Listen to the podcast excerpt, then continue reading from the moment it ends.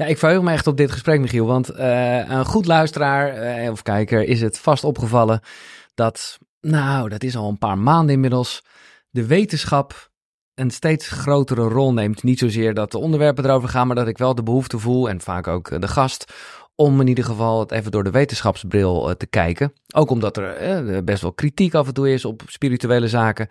En tegenover mij zit dus Michiel van Elk. Ehm, hij is wetenschapper, neurowetenschapper, maar ook psychonaut.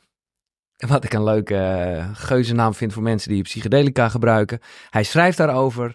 En uh, nou ja, jij bent bezig. Uh, nou ja, als je dit hoort, dan kan je er denk ik nog naartoe. Moet je maar kijken, linkje in de beschrijving. Echt die link leggen tussen wetenschap en spiritualiteit. Klopt ja, ik doe mijn best. Ja, maar dat is, nou, dat zeg je al gelijk mooi. Dat is, dat is soms een lastige wedstrijd, dat kan ik me voorstellen. Nou, klopt ja. Het is inderdaad, uh, ja, van nature lijkt het alsof er twee gescheiden werelden zijn. Ja. Dus enerzijds religie, spiritualiteit, het, uh, degene wat je ja, moeilijk kan onderzoeken, wat niet uitspreekbaar is, wat je echt moet ervaren. En aan de andere kant de analytische benadering van de wetenschap, die probeert alles te ontrafelen, te ontleden en soms ook een beetje weg te verklaren. Mm-hmm.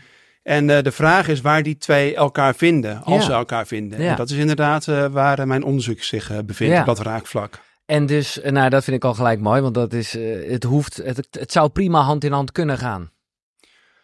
Nou, het ligt eraan welke insteek je Ja. neemt, denk ik. Ja. nee, dat is waar. We hoeven ook niet gelijk naar een conclusie te gaan hierover. Uh, maar wat ik wel grappig vind, zeker waar jij vandaan komt, en ik kan me toch niet aan de indruk onttrekken dat dat ook een rol heeft gespeeld. Jij bent supergelovig opgegroeid. Nou ben ik dat ook. Maar jij echt, ik bedoel, wij gingen gewoon zondags naar de kerk en klaar. Jij bent echt uh, Pinkstergemeente, rituelen, uh, heavy shit. Mhm. En op een gegeven moment uh, had je, hoe omschrijf je dat ook alweer, een omgekeerde bekering. Mhm. Uh, was er toen, wa- was daarvoor al die behoefte om, om religie en wetenschap te combineren? Of is dat na, na de omgekeerde bekering gekomen? Nee, die was er altijd al, denk ik. En je moet je voorstellen, ik was helemaal gehersenspoeld. Dus ik zat helemaal in die leerstellingen van de kerk. Echt, ik wist niet beter dan dat was het wereldbeeld wat waar was. Uh, ik was er helemaal in ondergedompeld. Dus dat was gewoon het wereldbeeld van zo zit alles in elkaar. Als jij zegt her, daar voel ik een soort negatieve ondertoon in. Um, nou, dat valt ik ook wel mee. Nee, maar oké. tenminste maar om aan te geven van... Dat als was- je opgroeit in Ja. zo'n traditie... dan is het... Het behelst echt elk aspect van je leven. Dat is je waarheid, ja. Ja. Alles.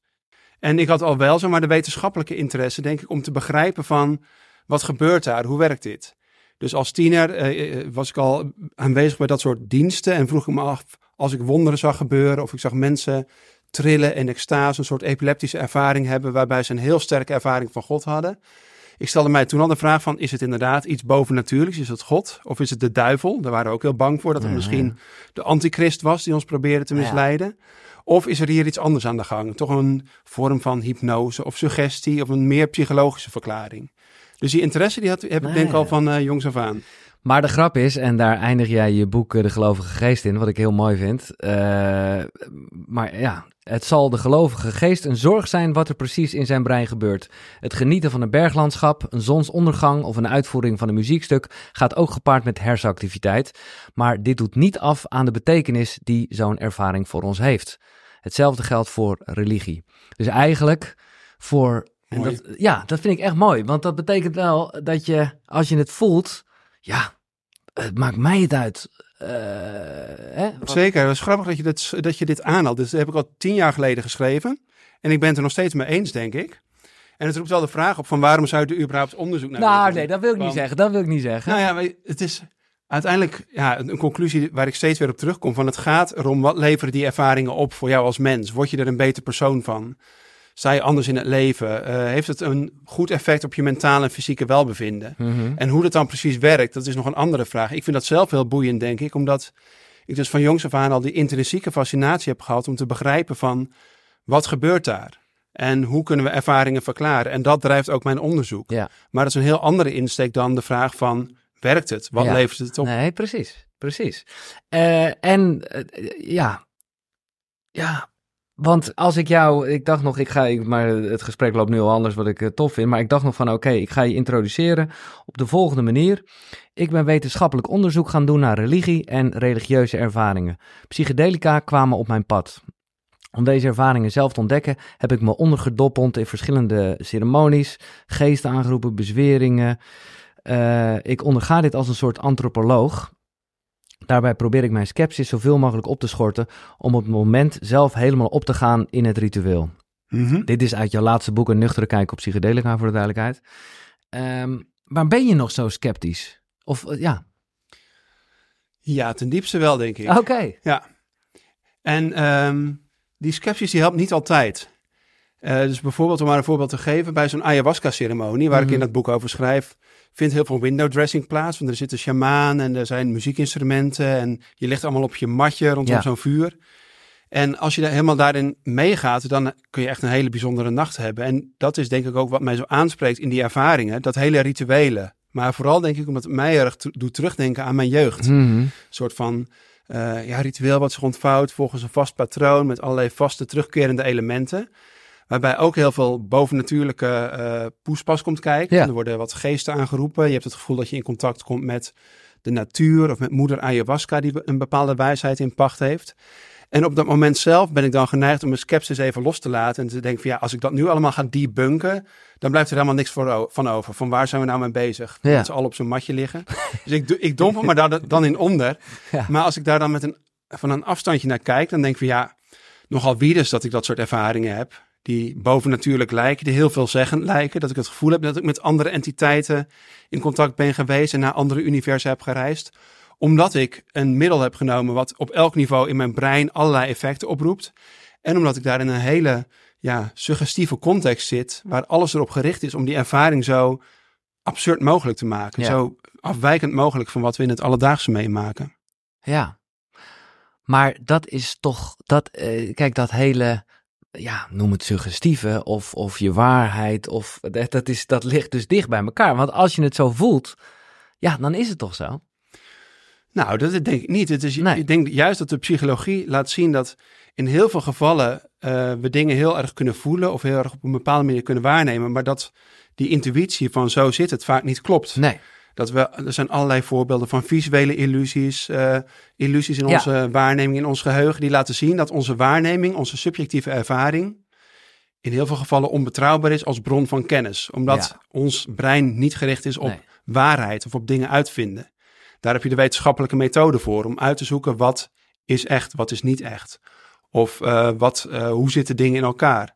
En spiritualiteit roept natuurlijk allerlei subjectieve ervaringen op. En die moet je serieus nemen, denk ik. Maar tegelijkertijd is de taak aan de wetenschap om die ervaringen te proberen te duiden. Van wat speelt zich daar echt af? Hoe Mhm. kunnen we die ervaringen vanuit een wetenschappelijk Ja. kader proberen te begrijpen en te verklaren?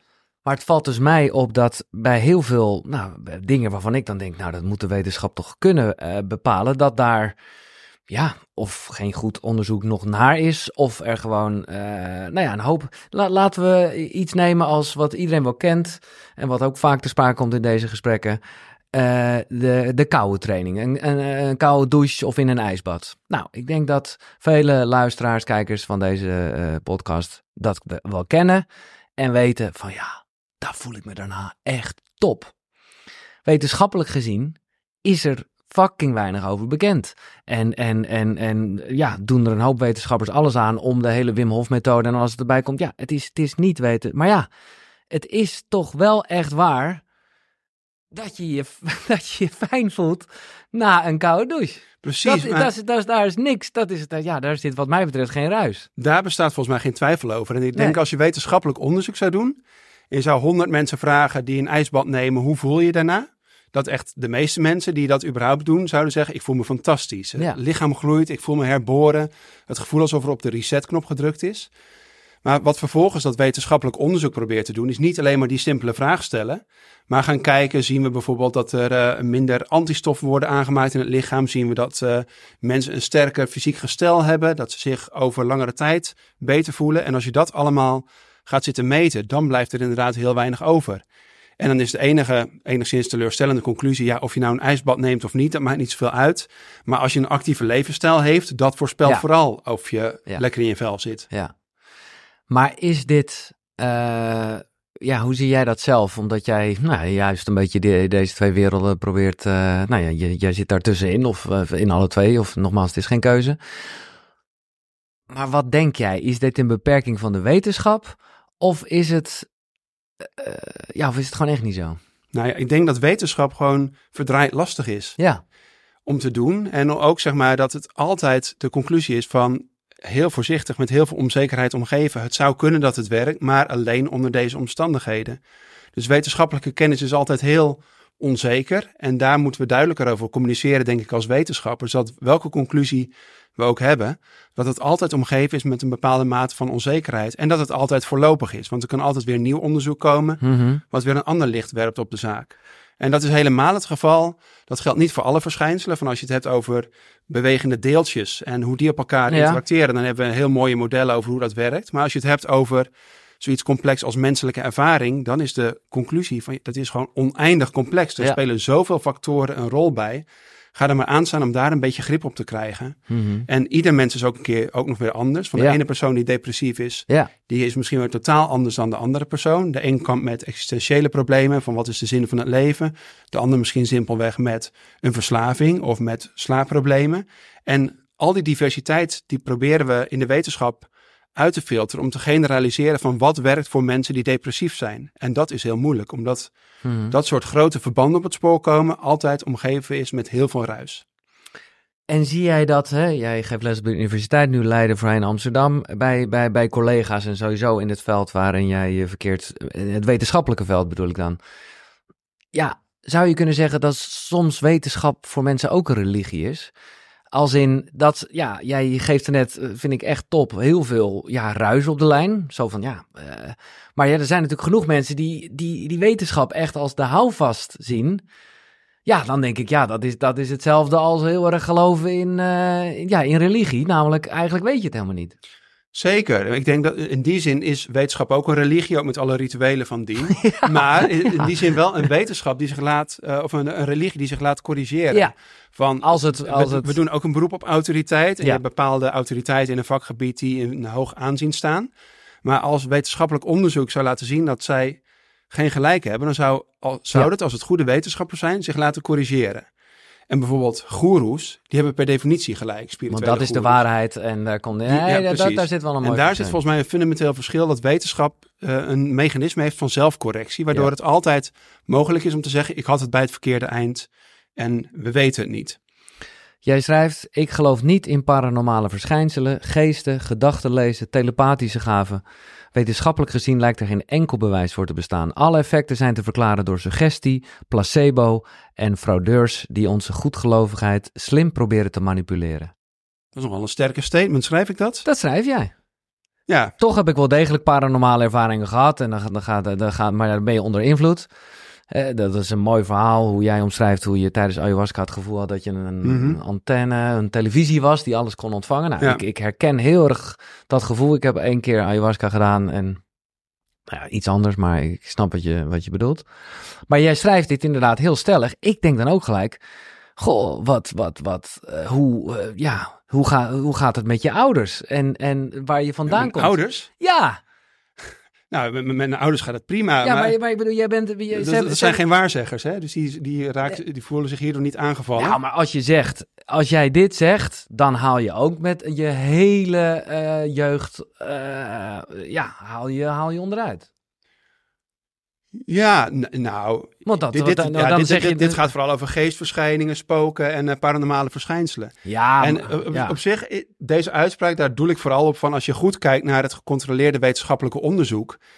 Die hebben nog nooit overtuigend aan kunnen tonen dat iemand bijvoorbeeld paranormale gaven heeft. Nee. Dat zoiets als dat bestaat. Nee. Of dat gebedsgenezing bestaat. Hoe heet die gast ook alweer die, dat, eh, die er een miljoen op gezet heeft? Oh ja, James Randi. James Randi, ja. Ja. En eh, Uri Geller, die, eh, Ja. die probeerde zeg maar, te bewijzen dat hij het kon, maar die is ook jammerlijk gefaald, helaas. Ja. Maar ja, ik geloof daar nog steeds wel in dat daar geen bewijs, of geloof daarin, ik ben er nog steeds van overtuigd dat daar geen bewijs voor is. Maar tegelijkertijd denk ik niet dat dat eh, iets hoeft te zijn wat negatief is voor bijvoorbeeld mijn ouders of mensen die nog wel geloven in Nee. religie of spiritualiteit. Maar dat hoeft niet per se op die manier te zijn. Nee. Maar je kan nog steeds geloven dat God bestaat, Maar misschien geloof je niet per se dat God in staat is om in een evangelische dienst door middel van een charismatische uh, voorganger mensen te genezen. Maar dat het op een hele andere manier uh, ja. zichtbaar wordt of uh, kenbaar wordt. Want dan, nou ja, daarom leg ik de link een beetje zelf om, met, met, met allerlei meetings die er zijn in de Flevopolder, inderdaad, waar, nou ja, dat, dat, dat, nou ja, nogmaals, als mensen het gevoel hebben dat ze ineens weer kunnen lopen, ja, dan kunnen ze weer lopen. Uh, maar dat komt Mhm. dan toch wel echt door de suggestie en de, nou ja, het feit dat ze erin geloven. Zeker. En wat ik, wat ik daar ook schrijf van, dat die ervaringen er zijn door middel van suggestie of placebo-effect, neemt ook niks weg over Nee, de echtheid van die ervaring. ja, Want mensen die horen letterlijk de stem van God. Ja. Die, die zien letterlijk eh, in de verte van wat ze eigenlijk niet kunnen zien. Dat zijn echte ervaringen in de zin van net zo echt als dat wij hier nu zitten te praten en elkaar stem horen en elkaar kunnen zien. Het is alleen dat de wetenschap eh, een ander verklaringsmodel biedt voor dat, voor dat soort ervaringen. Niet een verklaring in termen van op dat moment als je een buitenlichamelijke ervaring hebt, verlaat je geest echt je lichaam. Nee. Maar meer van we kunnen die ervaring begrijpen door middel van hoe je brein werkt of hoe je voorstellingsvermogen werkt. En dat is denk ik mooi aan de wetenschap, dat je altijd probeert om een ervaring zo goed mogelijk te verklaren. Een verklaringsmodel te bieden wat begrijpbaar is en waar je kan, van kan snappen van, oh ja, Mhm. die ervaringen die komen dus voort uit ons brein. Die zijn echt. En dat geldt ook voor het placebo-effect. Daar hangt ook vaak iets negatiefs omheen. Mhm. het is maar een placebo-effect. Maar juist het placebo-effect is denk ik het ultieme voorbeeld van de kracht van onze geest over ons lichaam. Van je gelooft in iets en dat heeft effect op hoe je je voelt. En het heeft zelfs effecten op wat er gebeurt in je lichaam. Dus het is een echt effect. Ja. Nee, ik, ik bedoel, ik wist natuurlijk zeker wel dat de term placebo ging vallen. Omdat, ja, het placebo-effect is wetenschappelijk bewezen. Zeker. Ja, dat is. eh, eh, en tegelijkertijd is het heel erg, nou ja, de verbeelding, of zoals jij net zo mooi zegt, eh, de geest die ervoor zorgt dat er iets gebeurt. En jij hebt het over een paar onderzoeken. Fascinerend. Hoe namelijk, en dat, dat vond ik echt verhelderend, hoe op een gegeven moment een groep is. Waarbij een gedeelte placebo, of ja, een gedeelte die, die gaat echt goed. En ja, ik moet het goed uitleggen. Steeds wordt de groep kleiner. Dus, dus uiteindelijk hè, de mensen die, bij wie het eerste medicijn niet geholpen heeft, die zeggen ze dan, oh oké, dan hebben we nog wat voor je. Geef Mhm. ze weer een placebo, dan is er weer 30% daarvan die erin gelooft. En diegene die dan niet geholpen zijn, zeggen ze, oh je bent een bijzonder geval. Dan hebben we voor jou een ander medicijn. En uiteindelijk gaat de groep naar 95%. Alle 95% die dus geholpen is met placebo. Bijna iedereen voelt zich beter door een placebo. Ja. ja klopt ja. Ja, ik vind het een mooi voorbeeld van eh, hoe de mythe van wat we customized medicine genoem, noemen, hoe dat een beetje ontkracht wordt. Dat eh, heel veel artsen geneigd zijn om te zeggen van, ja, op basis van mijn jarenlange kennis weet ik gewoon goed wat werkt. En dat Mhm. geldt misschien niet alleen voor medisch specialisten, maar ook voor mensen die alternatieve therapieën aanbieden. Van als je praat met mensen die werken met energieën of met yoga, die hebben ook vaak een gevoel van, nou, aan, als ik iemand voel of iemand zie, dan weet ik al van waar ik op moet inzetten. En dit onderzoek laat eigenlijk zien dat als je dat maar vaak genoeg doet, zo'n proces, dat iemand zich vanzelf beter gaat voelen, Ja. omdat op den duur het placebo-effect aanslaat. Ja. En daardoor gaan mensen opknappen. Ja. Maar, en, en, maar hoe kijk je dan aan tegen alternatieve geneeswijzen en homeopathische geneesmiddelen? eh, Ja, die dus niet wetenschappelijk bewezen zijn, of vaak eh, gebeurt er nog onderzoek naar. De echte wetenschappelijke medicijnen gaan dus voor een groot gedeelte werken ze ook eigenlijk vanwege dat placebo-effect. Eh, dus hoe kijk je er tegenaan?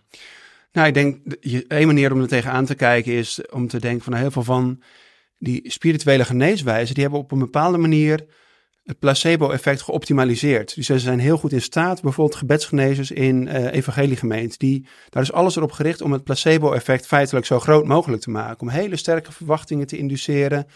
Met een hele, setting, ja, een ja. hele setting, sociale druk eromheen, een charismatische genezer die jou gaat helpen. Ehm, en opli- eh, opli- opliftende muziek, hoe Ja. heet dat? Eh, muziek die je Ja, in, een, in een positieve toestand brengt. Eh, en dat creëert volgens mij een heel sterk placebo-effect, waardoor mensen zich sowieso beter gaan voelen. En ik denk dat het ook heel ja, in sterke mate geldt voor veel alternatieve geneeswijzen. Ja. Daarnaast ook nog. Maar hoe kijk je er tegenaan? Nou, ik denk dat zij in een behoefte voorzien, omdat in het medische circuit vooral de aandacht uitgaat naar het lichaam. Van Mhm. wat zijn medische interventies die we kunnen doen om een probleem op te lossen. Maar wij hebben een lichaam, maar we hebben natuurlijk ook een geest en een subjectieve beleving. En daar wordt vaak aan voorbij gegaan in de medische hoek. En ik Ja. denk juist dat daar, in die wat meer spirituele benadering, dat die vooral aangrijpen op dat geestniveau, dat meer intuïtieve. ja, ja. En dat ze daarin met name een heel sterke behoefte voorzien. En ook dat het te begrijpen is, omdat we als mens zeg maar ja, gebaat zijn bij subjectieve beleving. En Exact. omdat het dat veel beter aansluit als het ware bij ons model van hoe wij werken als mens, wie wij zijn als mens, dan die wat meer medische benadering. En dat als je je daarin onderdompelt, dat je dan ook aan de lijve ondervaart, eh, ervaart dat het werkt. Ja, exact. Nee, maar, en dit vind ik mooi. Ik las dus laatst en ik dacht, ja, ik had het niet willen weten, moet ik eerlijk zeggen.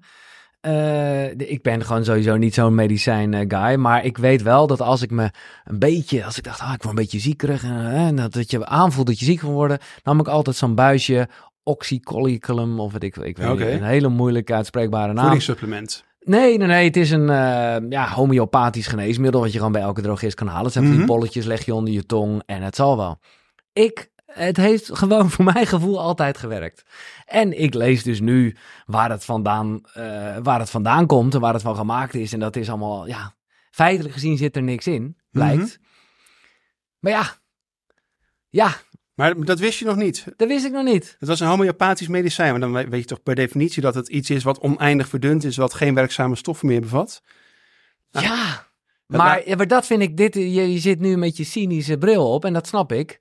Tegelijkertijd denk ik, ja, als ik dan hoor dat eeuwenoude tradities, die gebruiken dat middel en uiteindelijk komen, komen de echte medicijnen, om het zo maar te zeggen, ook daar vandaan. En is het ook weer een abstract van een echt natuurlijk product. Ja, maar dat, dat eeuwenoude, dat maakt mij alleen nog maar sceptischer, want vroeger eh, deden we ook aan aderlatingen. Ja, Dat is ook een eeuwenoude traditie. Dat werkte verrassend goed, maar daar zijn we mee gestopt, omdat we inmiddels beter inzicht hebben in hoe je bepaalde ziektes kan behandelen. ja, ja. ja. Zeg maar dat element van dat spirituele tradities of bepaalde praktijken heel lang teruggaan, is natuurlijk niet een argument dat het een valide benadering Nee, is dat voor begrijp eh, ik. Dat begrijp mensen ik. beter te maken. Dus het is wel goed, denk ik, om toch bij op je hoede te zijn. Maar om terug te gaan naar die ervaring. Want, want baat het niet, dan schaadt het niet, toch? Of mag je dat niet zeggen? Nou, dat denk ik niet in alle gevallen. Ik denk dat ik dat ook wel lange tijd gedacht heb. Ja. Van, eh, bij die spirituele praktijk van baat het niet, dan schaadt het niet. Het is een placebo-respons. Maar Mhm. het kan ook best eens misgaan. Bij mensen die kwetsbaar zijn. Die bijvoorbeeld eh, ernstige trauma's hebben. ja. Risico op eh, psychose of die al andere medicatie gebruiken. Waardoor ze niet zomaar met allerlei voedingssupplementen aan de gang moeten gaan.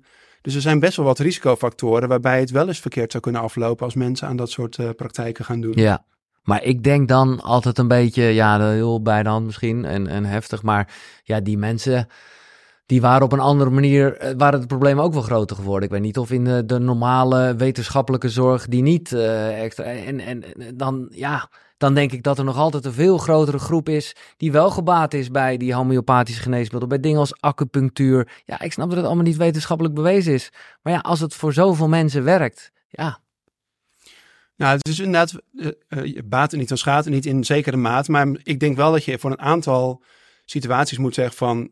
in bepaalde aandoeningen is het gewoon beter om Tuurlijk. reguliere zorg te raadplegen.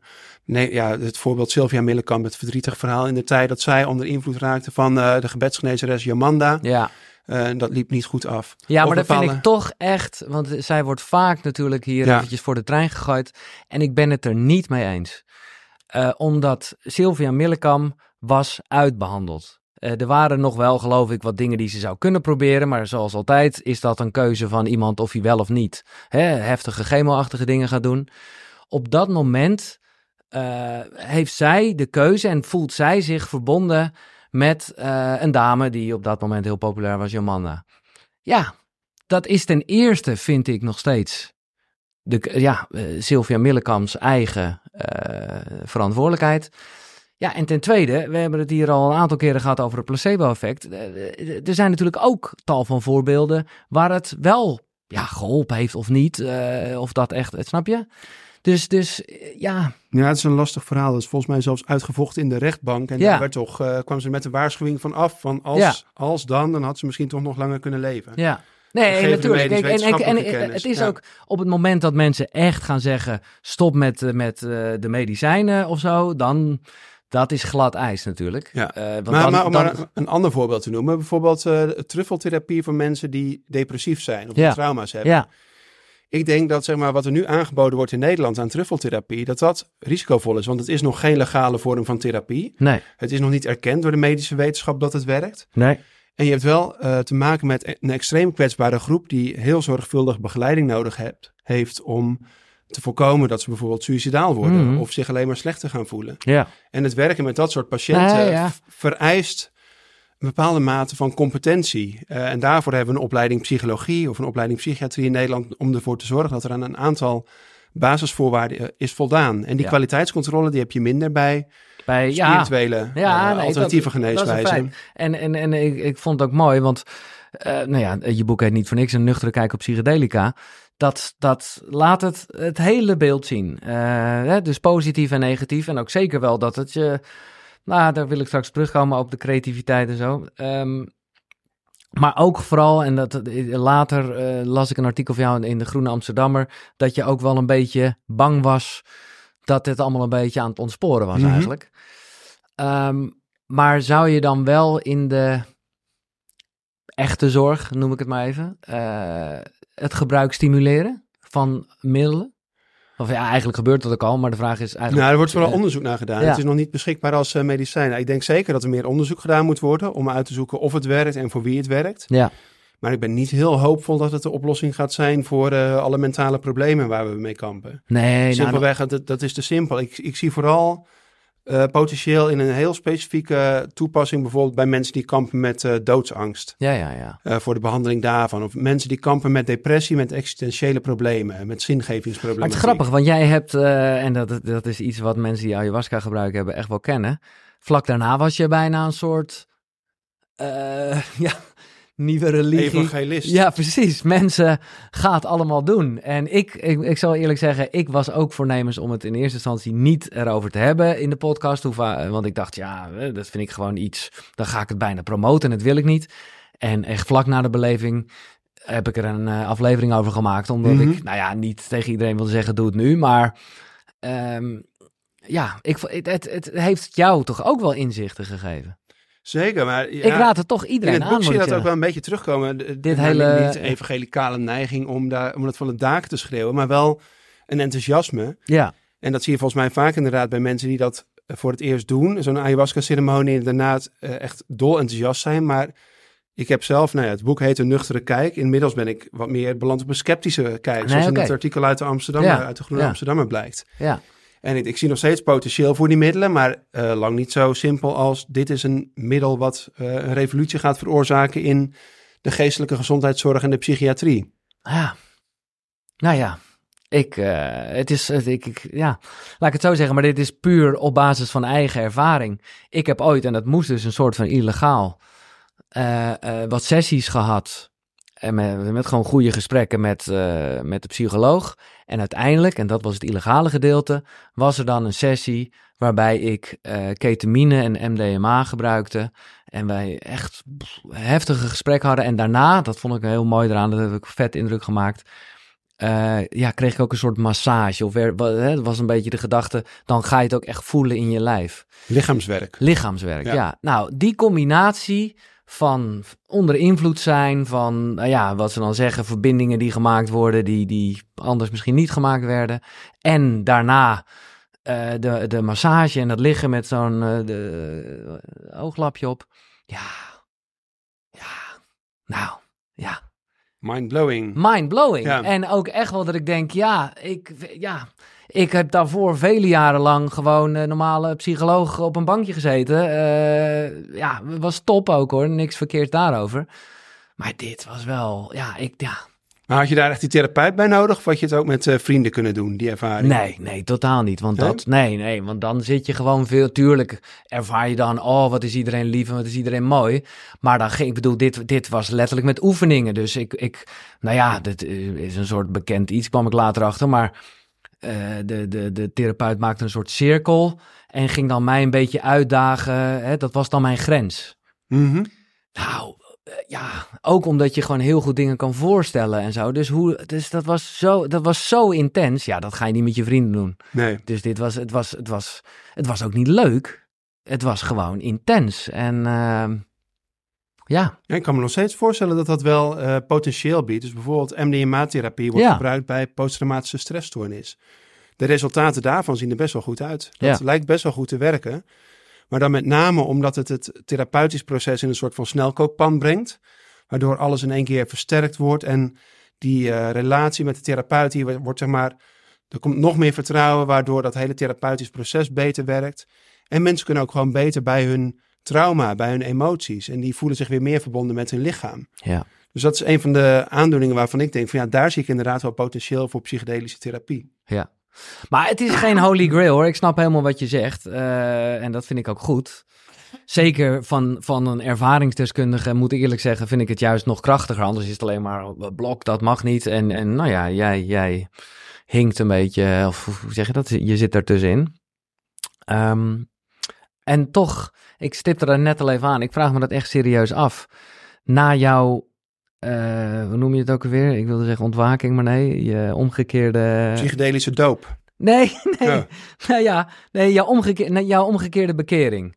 Hoe, hoe ging dat thuis? Was het een, eh, ja, Nou, dat, ik zat er laatst nog aan terug te denken. Dat was best wel eh, een ingrijpend moment in mijn leven Ja. inderdaad. Want in één keer, ik zat dus thuis en in één keer sloeg het besef in God bestaat niet. En eh, ik voelde me in één keer hardcore atheïst worden. Maar ik had ook een soort van mystieke ervaring van alle... Al mijn denkbeelden die, waren, die werden opnieuw gerangschikt. En ik had één keer het gevoel van coherentie. Van nu klopt het. Nu heb ik een coherent wereldbeeld. En tegelijkertijd een hele diepe angst van... Wat betekent dit allemaal? Waarom zijn we hier op aarde? een soort leegte misschien ook wel. extreme leegte, gevoelens van zinloosheid, van wa- wat, Ja. wat stelt het allemaal voor? Dus eh, als, als reactie daarop heb ik een hele lange eh, ja, betoog geschreven van waarom ik niet meer geloofde. Wat alle redenen waren waarom ik niet meer geloofde. Ik heb met mijn vrienden gedeeld, Fantastisch. naar de predikant in de kerk gestuurd. wow. Die heeft me uitgenodigd op een gesprek en een wandeling gemaakt. Ah, om maar dat- top. een soort van te duiden van wat is hier gebeurd en hoe kan ik hier eh chocola van maken en hoe kan ik hier nu verder mee. Dus dat was echt inderdaad een extreme zoektocht naar eh, zingeving vanuit een soort van atheïstisch wereldbeeld. En dat proces, nou ja, er zijn meerdere boeken uit voortgekomen. Dat is nooit opgehouden. Nee, Omdat het heeft geleid tot, toch een, to- ja, tot een fascinatie voor spiritualiteit en religie. Hoe werkt dat?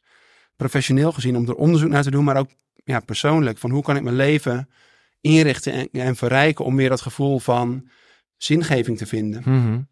Maar ik bedoel te zeggen, je, da- daarom, eh, eh, ja, ja, uiteindelijk ga je wetenschappelijk ook eh, een soort van aantonen of bewijzen dat het heel erg ook weer de setting is en, en suggestie. En, maar heb je het daar dan met je ouders over? Ja, zeker. Dat, dat blijft een terugkerend gesprek. Ehm, en ja, eh, zij blijven ook eh, zoeken, zeg maar. Zij zijn, zijn, ik denk zeg maar dat ik dat, eh, ik, ik zie mezelf redelijk als openstaand voor nieuwe ervaringen en Ja. open-minded. En ik denk dat zij dat ook hebben, die nieuwsgierigheid en niet vast blijven zitten in dogma's. Dus ik denk dat zij daar op hun eigen manier ook mee bezig zijn en dat ze dat minder als een harde breuk hebben ervaren van, oh, hij stapt uit de kerk, hij gelooft niet meer. Nee. Dus dat heeft nooit tot conflict of wat dan ook geleid. Meer ja, voortdurend voortzetten van het gesprek en fascinatie van hé, hey, we leggen allemaal onze eigen weg af en hoe kunnen we daarover blijven praten? Ja. En toen ging je ook nog aan de drugs. Toen ging ik ook nog aan de drugs, ja. ja. Nee, dat, is, dat zeg ik gekscherend. Ehm, maar ik herken dat heel eh, erg. Daar zit zeker omdat jij docent bent, omdat je vader bent en omdat je zoon bent. eh, ja, vind je dat moeilijk om, om eh, erover te delen wat jij... Want je hebt best wel eh, behoorlijk wat gedaan allemaal, als ik het zo lees. Ik heb er vooraf lang over nagedacht of dat not done was om hierover Ja. te praten. En toch ervoor gekozen van ja, als ik een boek hierover schrijf, dan gaat onherroepelijk die vraag opkomen van wat zijn jouw eigen ervaringen daarmee? Ehm, dus ik vond het gewoon belangrijk om daar zelf open over te praten, om het aansprekend te maken en ook om te laten zien dat ik weet waar ik het over heb als wetenschapper. En ook omdat ik er steeds meer van overtuigd raak van als je hier onderzoek naar doet, is het ook belangrijk om te weten waar je het over hebt en om Ja. zelf die ervaring te hebben. Maar je... Ja? Ja, en is het zeg maar eerder een voordeel dan dat het een nadeel is om hierover te praten. En ik denk ook dat het past bij ja, een trend die we zien om hier opener over te zijn. En dat er minder een taboe op ligt om over dit soort onderwerpen openlijk te delen. Ja. Nee, maar je komt op een term die ik niet ken en het is nog steeds een Engelse term. Eh, en dat maakt het ook dan zo lastig, zeker als een wetenschapper. Eh, dan komt de term ineffable.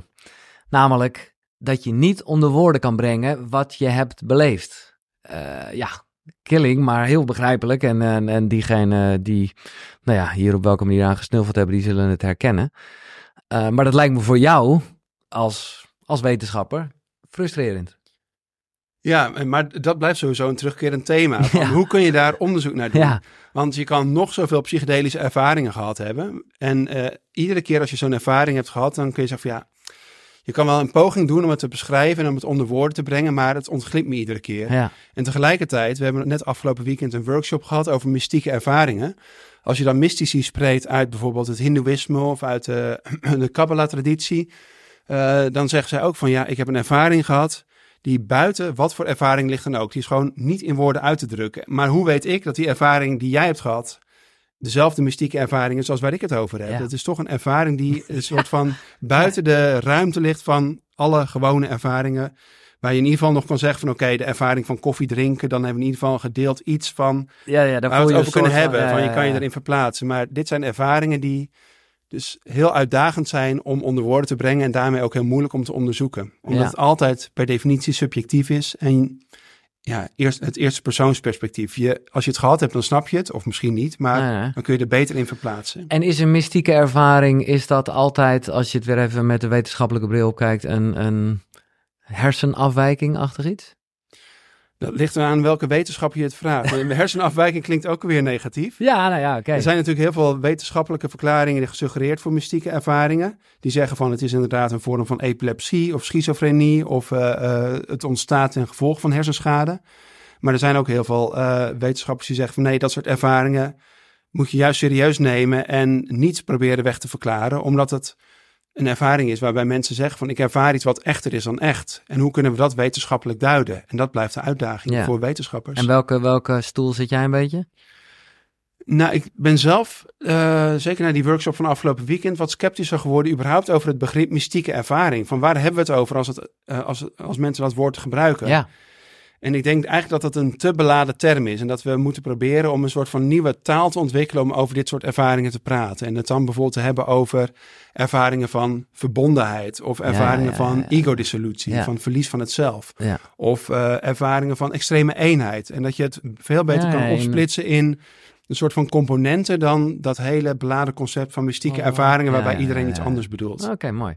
Ik wil dan toch even, misschien wordt het te technisch, maar ik heb het opgeschreven voor mezelf temporale kwap. Mm Wat is dat? Dat is een uh, gebiedje aan de zijkant van je hoofd. Um, uh, met specifiek een hersengebiedje aan de zijkant van je hoofd. Dus het zit ter hoogte van je slaapkwap. Ter hoogte van je slapen. Dat is een hersengebied wat uh, vaak in verband is gebracht met mystieke ervaringen.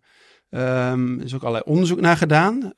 dus de korte conclusie luidt: het heeft niet zo heel veel te maken met mystieke ervaringen. Het hersengebied doet van alles is met name betrokken bij uh, geheugen en bij complexe visuele waarneming, auditieve waarneming. Van als je naar muziek luistert, dan wordt het gebied actief. Maar de betrokkenheid bij mystieke ervaringen, dat uh, wijst, duidt maar heel weinig op dat het echt cruciaal is van de, temporaal kwap. En dan komen we op iets, een leuk uh, iets. Ik kan het me echt nog wel herinneren dat er een hoop gedoe over was. Het is alweer een aantal jaren geleden. Een experiment dat jij gedaan hebt. Heb je eigenlijk ook als muzikant ooit op Lowlands gestaan? Nee, helaas niet. Oké, oké. Je hebt ook wel in bandjes gespeeld en speelt nog steeds muziek. Uh, maar jij hebt uh, Lowlands, uh, een, een, festival waarbij ook altijd aandacht is voor wetenschap. En daar gebeuren echt leuke dingen. Zeker omdat het in zo'n ja, geinige setting van een festival nog is. Nog even een anekdote over waarom ik nooit op Lowlands heb gestaan. Ja? Ik zat bij Jan Douwe Kroeske in de uitzending met uh, Blauwtsoen om ja. op te nemen. Ja. En ik had net besloten van nee, ik ga helemaal voor de wetenschap. Ik stop gewoon met deze band. Dat liep wel redelijk, maar het was nooit echt je van het met de optredens. Laatste opname met Jan Douwe Kroeske. En toen uh, werd Johannes, uh, de zanger van de band, gebeld van... Uh, jullie staan op Lowlands deze zomer. En ik had net besloten nee. om naar Zwitserland te vertrekken... om daar mijn carrière voor te zetten. Dus nou, toen heeft mijn leven een andere afslag genomen. Dus je eigenlijk... En heb ik mij helemaal aan de wetenschap toegewijd. Ben ik toch nog op Lowlands gekomen via omwegen... Ja, ja, om onderzoek te doen. Ja, om onderzoek te doen. Oh, wat mooi zeg. ja, om onderzoek te doen. En daar heb jij iets gedaan ja, wat top is, wat ook wel uh, nou ja, in je boeken terugkomt. De, de, de godspot. Namelijk een plek in je hersenen. Is dat ook die temporale kwap eigenlijk? Of, uh... Daar wordt vaak uh, op geduid, ja. inderdaad, met die naam. Dat, dat uh, nou ja, dat, de, waar je, nou ja, zogenaamd of niet, dat is een beetje de, de, de, de ja, het moeilijk te verklaren hiervan, waar je de mystieke ervaring, ik gooi hem dan maar even in, eh, kan voelen. En jij had daar op Lowlands, zou je dat kunnen voelen? En dat zag er ook fantastisch uit met een soort apparaat eh, wat jullie gemaakt hadden. Ja, en dan komen we weer op het placebo-effect, want er zijn toch echt wel veel mensen die daar eh waanzinnige ervaring hebben gehad. En niet zozeer omdat ze nou zo onder invloed waren van, van het een of ander. Nou, dat wil ik wel nuanceren, want zo is het inderdaad eh, de media ingegaan. Van door middel van placebo kun je mystieke ervaringen oproepen. Als je goed kijkt naar wat mensen daar echt meemaken, dan is het maar de vraag of dat mystieke ervaringen zijn. Van mensen ervaren van alles als ze met zo'n nephelm op zitten. Ja, En dat lijkt me nogal wieders. Van als je met een helm op gaat zitten, met een blinddoek op en met witte ruis. En je zit op een festival, je bent uitgeput, je hebt weet ik niet wat gebruikt. En je zit daar, dan ga je vanzelf allerlei dingen zien, horen en voelen. Die er misschien niet zijn, maar het is niet per se een mystieke ervaring. En nee. Nee, Eigenlijk is een beetje de teleurstellende conclusie van een hele kleine groep mensen, ongeveer 5 tot 10 procent van alle deelnemers, die hadden echt wat meer heftige ervaringen. Oké, En zelfs als je dat goed onder de loep neemt, daar hebben we vervolgonderzoek naar gedaan, dan zijn het wel intense ervaringen, maar het haalt het bijna niet bij de ervaringen die mensen al hebben onder de invloed van psychedelica. Dus door middel van, oké. door middel van placebo kun je heel veel doen.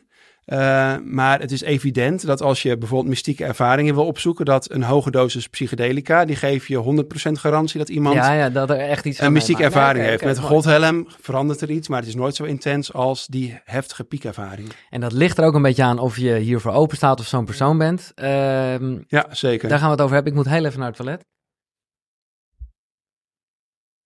Ik lees net dat eh, Roland Griffiths is overleden. Ik weet niet of je die kent. Die, eh, de pionier van psychedelica-onderzoek. Oh ja, ik geloof dat jij hem wel eh, zelfs nog... Ja, ik eh, haal hem aan in het, eh, in het boek. Nou ja, zeg. Ja. Dat was al, eh, ja, we kunnen het erover hebben. Ja, nee, eh, dus, eh, zeg maar gelijk. Wie, wie, wie is Ronald Griffith? Ronald Griffiths, dat is eh, nou, een van de mensen die eh, gezorgd heeft voor de psychedelische revival. Die zeg maar twintig jaar geleden iemand was die zei van ik wil onderzoek gaan doen naar psilocybine. Dat Ja. stofje in eh, paddo's en truffels. Wat ervoor zorgt dat je gaat trippen. En toen dat onderzoek heeft gedaan en een van de eerste was die heeft laten zien dat deze ervaringen die mensen hebben extreem betekenisvol zijn. Eh, tot de meest betekenisvolle ervaringen worden gerekend in het leven van mensen. Eh, zelfs tot zeg maar vijf jaar later dat mensen zeggen van dat was echt heel bijzonder. En dat dat kan helpen bij doodsangst. En hij is zelf eh, anderhalf jaar geleden ziek geworden. Hij had een, een, diagnose met terminale kanker. En eh, spreekt heel open ook in podcasts over hoe psychedelica hem zelf hebben geholpen om eh, in het reinen te komen met die diagnose. Want hij had nog heel veel ambitie, hij wilde nog heel veel bereiken. Eh, en juist door die psychedelica kon hij beter accepteren dat het leven inderdaad eindig was. En met heel veel dankbaarheid terugkijken op wat hij wel al voor elkaar had gekregen. Dat is eigenlijk Ja, exact... Vandaag, eh, Ja, dat is, dat is eh, Overleden. synchroniteit all over the place, zou ik zeggen. Ja. En, en het doet me denken aan een vriend van jou, die ongeveer ditzelfde verhaal heeft. Martin Fortier, als Ja, ik het goed ja. uitspreek. Of Fortier, ik weet Martin niet. Fortier. Ja. Die, nou, eigenlijk dit. Ja. Ook eigenlijk door psychedelica een soort rust heeft gekregen over de eindigheid van zijn leven. Ja, ja, ik denk dat het eh, ja, echt mensen kan helpen om eh, dingen in perspectief te zien, te relativeren. En Ja. vooral ook om, het is een, eh, zo'n beladen woord, maar compassie en dankbaarheid te ervaren van voor jezelf en ook voor de andere mensen die Ik vind het zo moeilijk je te plaatsen, Michiel. Dat vind ik ook mooi, hè? Begrijp me niet verkeerd. Maar, want nu, hè, in de laatste zinnen, ben je dan weer vol eh, enthousiasme erover. In plaats van een wat, hè, jij zegt net zelf, eigenlijk had ik het een sceptische kijk moeten eh, noemen. Nou, ik, ja, ik denk dat het ook lastig uit te leggen is. Ja. Eh, eh, ik denk dat mijn conclusie is gewoon heel vaak, als het aankomt op psychedelica, het wetenschappelijk onderzoek laat niet zien dat die middelen effectief en veilig zijn bij de behandeling van depressie, eh, verslaving, et cetera. Maar dat betekent niet dat die middelen waardeloos zijn. Van op basis van mijn eigen ervaring zou ik ook zeggen, van die ervaringen kunnen je leven echt verrijken. Ja, maar dit soort En verhalen een dan nieuw die- perspectief geven. Van, van, eh, van, nou ja, Nou, en dit, nou ja, dit past wel bij wat ik eerder zei al in de uitzending over Ja, eh, dat het wel degelijk kan helpen bij bijvoorbeeld doodsangst. Ja. Met, bij bepaalde aandoeningen waarbij het echt gaat om existentiële problematiek. Maar dat moet nog beter uitgezocht Ja. worden. En tegelijkertijd, ja, dit soort ervaringen moeten we ook serieus nemen van mensen die daarover vertellen. Mhm. En dat het hen helpt.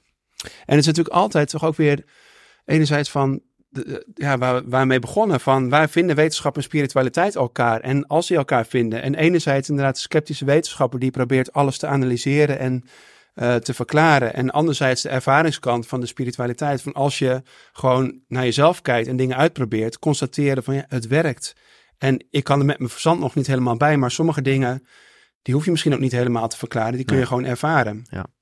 En hoe sceptisch ben jij over, want het is bijna complotachtig als ik dit zo zeg, dat er gewoon geen goede onderzoeken zijn, omdat er heel veel mensen niet bij gebaat zijn. Hè? Dat wordt vaak gezegd uh, hè, over de farmaceutische industrie. Die hebben patenten en uh, verdienen daar geld mee. Maar met allerlei natuurlijke middelen, of dat nou letterlijk middelen zijn, of, of ademhaling, of koude training, of wat dan ook. Ja, daar valt geen geld mee te verdienen, of anders valt geen patent op uh, aan te vragen. En dus zouden daar minder goede onderzoeken naar zijn. Nou, het is zeker zo dat uh, als er zeg maar een uh, belang is, dat dat invloed kan hebben op het onderzoek. Ja, maar dat Want is laat onderzoek ook zien van dat, als uh, zeg maar studies betaald zijn door de farmaceutische industrie en een conflict of interest hebben, dat ze een vijf keer hogere kans hebben om te laten zien dat iets werkt. Maar dat betekent niet per se dat ze een agenda hebben om het onderzoek daarin heel erg te sturen. Die agenda zal er zeker zijn, maar je hebt allerlei manieren en checks en balances in het wetenschappelijk systeem Mhm. om je daartegen te beveiligen. En uh, te zorgen dat het onderzoek wel degelijk uh, deugdelijk uh, plaatsvindt. Maar Tuurlijk. het zou zeker een Maar ja, er is, spelen. je zou kunnen zeggen dat er, geen geldschieter achter is, eh, lucht om eh, hè, ademhaling of wat dan ook. Want ja, dus dan is het wel degelijk een vertekend beeld van wat wel niet wetenschappelijk. eh, Dat is zeker zo. Ik heb wel de indruk dat dat eh, steeds meer begint te veranderen. Omdat heel veel farmaceutische bedrijven zich nu massaal op de psychedelica storten. ja, maar die willen, die, willen, die willen het claimen dat dat natuurlijk. werkt. Ja, die willen daar natuurlijk een stofje van maken en een Zeker. patent op. En eh, ja, Maar ook wel juist dat er vanuit de filantropische hoek heel veel aandacht is voor spiritualiteit. oké. Van filantropen, mensen die zelf positieve ervaringen hebben met spiritualiteit. En die daarom willen bewijzen dat, of de bewijzen die heel graag willen, Ja, ja. dat er meer onderzoek gedaan wordt naar die alternatieve Ja. praktijken. Nou, ik weet over mediteren en zo zijn echt wel goede wetenschappelijke onderzoeken inmiddels, toch? Begrijp ik. Zeker, Ja. ja. Maar goed, voordat ik ging plassen hadden we het over een bepaalde groep die eh, nou, heel erg ontvankelijk kan zijn voor nou ja, het placebo-effect, eh, al dan niet die mystieke ervaring. Nou, ik moet je eerlijk zeggen, er zijn eigenlijk twee onderzoeken. Je hebt, eh, maar ze, ze deden mij een beetje aan elkaar denken. Dus je hebt, hoe heet het nou, een moeilijk eh, uitspreekbaar woord. Ik ben benieuwd waar, waar je nu op doelt. Ja, een vragenlijst die je dan eh, kan beantwoorden. Mysticism, nee. De, de eh, absorptievragenlijst. de absorptievragenlijst, ja. Ja. Eh, ja, dat is precies wat ik bedoel, ja. En, en ja, ik moet eerlijk zeggen, ja, als je dat dan opzoekt, dan eh, ben ik gewoon een heel ontvankelijk diep. Eh, Maar ik ben benieuwd, ik zal even een paar... staat hier achterin eh, dit boek. Ja, daar staat Ja, de hele lijst. ja. Maar hier heb je in een nuchtere kijk ook... Het geknetteren en de vlammen van een houtvuur stimuleren mijn verbeelding. Of Kun je, mijn... dus, kun je meteen zeggen of het op jou van toepassing Absoluut. is? Ja, nee, nee? maar, maar ik had op alles ja. Dat moet ik eerlijk zeggen. ja. Mijn gedachten komen vaak niet in de vorm van woorden, maar in de vorm van beelden. Nou, ik heb letterlijk. Er heeft- is ook een soort term voor dat ik dagen en zo een hele. Dat, dat ik daar een vorm bij heb. Ik kan sterk ontroerd raken door een zonsondergang. Absoluut. Soms ervaar ik de werkelijkheid dubbel zo sterk. Nou, ook wel. Maar inderdaad, eh, achterin eh, de gelovige geest is dat denk ik of in extase. In Nee, extase staat de hele vragenlijst. Daar staat de hele vragenlijst. Nou ja, ja, Nou, hoe hoger je scoort, hoe, hoe eh, groter jouw vermogen om spirituele ervaringen te hebben. ja. Dus dat past. Ja, maar grote vermogen, dat vind ik nog zo positief. Ik ben blij dat je het zo zegt. Maar ergens voelt het ook wel, eh, ja, omdat, tenminste toen ik het zelf allemaal deed, dacht ik, goh, dan ben ik gewoon een labiele gast dan eigenlijk. Want ik geloof het, of ik heb dat allemaal. eh, ja, labiel zou ik dat niet, eh, Nee. niet mee associëren. Eh, als je kijkt naar zeg maar, wat die vragenlijst echt meet. Eh, wat, wat erachter ligt is vooral voorstellingsvermogen. Ja. Of eh, f- niet fantasie, dat klinkt alweer negatief, maar Nou ja, inbeel- ja, inbeeldingskracht. Ja. Van kun je makkelijk voorstellen hoe iets eruit ziet. Eh, als je zeg maar nadenkt over je supermarkt waar je boodschappen doet, zie je dan meteen een beeld voor je. En sommige mensen die zien dat echt meteen. En andere mensen die hebben een veel abstracter eh, manier van denken. En dat probeert die vragenlijst te meten. En met name dat voorstellingsvermogen, dat blijkt van voorspellende waarde te Ja. zijn op ontvankelijkheid voor spirituele Ja, ervaringen. ja, dan valt het wel. En dat mee. wordt inderdaad in de literatuur bijna soms positief geframed als een talent om dat soort ervaringen te hebben. Dat het Mhm. iets positiefs is wat je kan gebruiken om nou, te profiteren van de voordelen die dat soort ervaringen Ja, kunnen bieden. nou ja, dat vind ik ook fijn. Maar tegelijkertijd wat ik zeg, het voelt ook een beetje als ik denk van ja, eh, alsof ik het allemaal verzin. Ik ben benieuwd. Ik ga even een mailtje erbij zoeken wat ik recent kreeg en wat, nou ja, nu echt heel leuk is. Ik zal haar naam niet noemen, eh, want dat wil ze misschien helemaal niet. Maar zij stuurde mij een heel leuk mailtje. Tenminste, ik vond het geinig dat ze mij eh, om advies vroeg. Beste Giel, toch de stoute schoen aangetrokken om jou te mailen met de wellicht, eh, volgende wellicht wat aparte vraag. Een studiegenoot en ik willen graag een avondje creatief nadenken over onze toekomst. Meer specifiek willen we bepaalde verdienmodellen bedenken. Oftewel onze mind helemaal openzetten voor het cr- creatieve. Graag willen we dit proberen onder invloed van middelen, tussen haakjes. Jij hebt al zoveel drugs, tussen haakjes, geprobeerd in je leven. Wat zou jij ons aanraden om te gebruiken? Je reactie wordt ontzettend gewaardeerd. Groeten van een vaste Koekeroe-abonnee en fan. Wauw, tussen haakjes ook. hè, Al die, eh, Ja, dat vond ik ook heel leuk. Daarom zeg ik het ook bij. Wat was je advies? Nou, ik wil eerst jouw advies weten. Ik wil eerst, eh, als, als jij dit mailtje had gekregen. Nou, ik ga heel verantwoord zeggen, ik zou niemand adviseren om eh, zomaar drugs te gaan gebruiken. Maar ik zou zeggen van steek je licht eens op bij andere manieren om je geest te verruimen. Zoals een koud waterbad nemen of een ademwerksessie doen. Waarbij je ook in een veranderde bewustzijnstoestand kan komen. En ook hele veelzeggende ervaringen kan hebben die ook, die ook weer op een ander spoor kunnen zetten. Ja, Ja. En wat was jouw advies? ik zal het voorlezen. Ehm Hoi Simone, wat een leuke mail. Vind het wel moeilijk hoor. Ik zit zelf even in een hele clean fase voor te bereiden op het vaderschap. En zit even op de golf dat je juist creativiteit belemmert met middelen. Dus dat raad ik eigenlijk aan. Ayahuasca is echt het plantenmedicijn dat je verdieping kan geven over het leven. Maar goed, dat doe je ook niet even op een avondje. In een smartshop kun je truffels kopen en echt lekker gaan trippen. Mooie connectie met de natuur en zo. Maar voor die modellen ga je er niet mee krijgen, denk ik. Hahaha.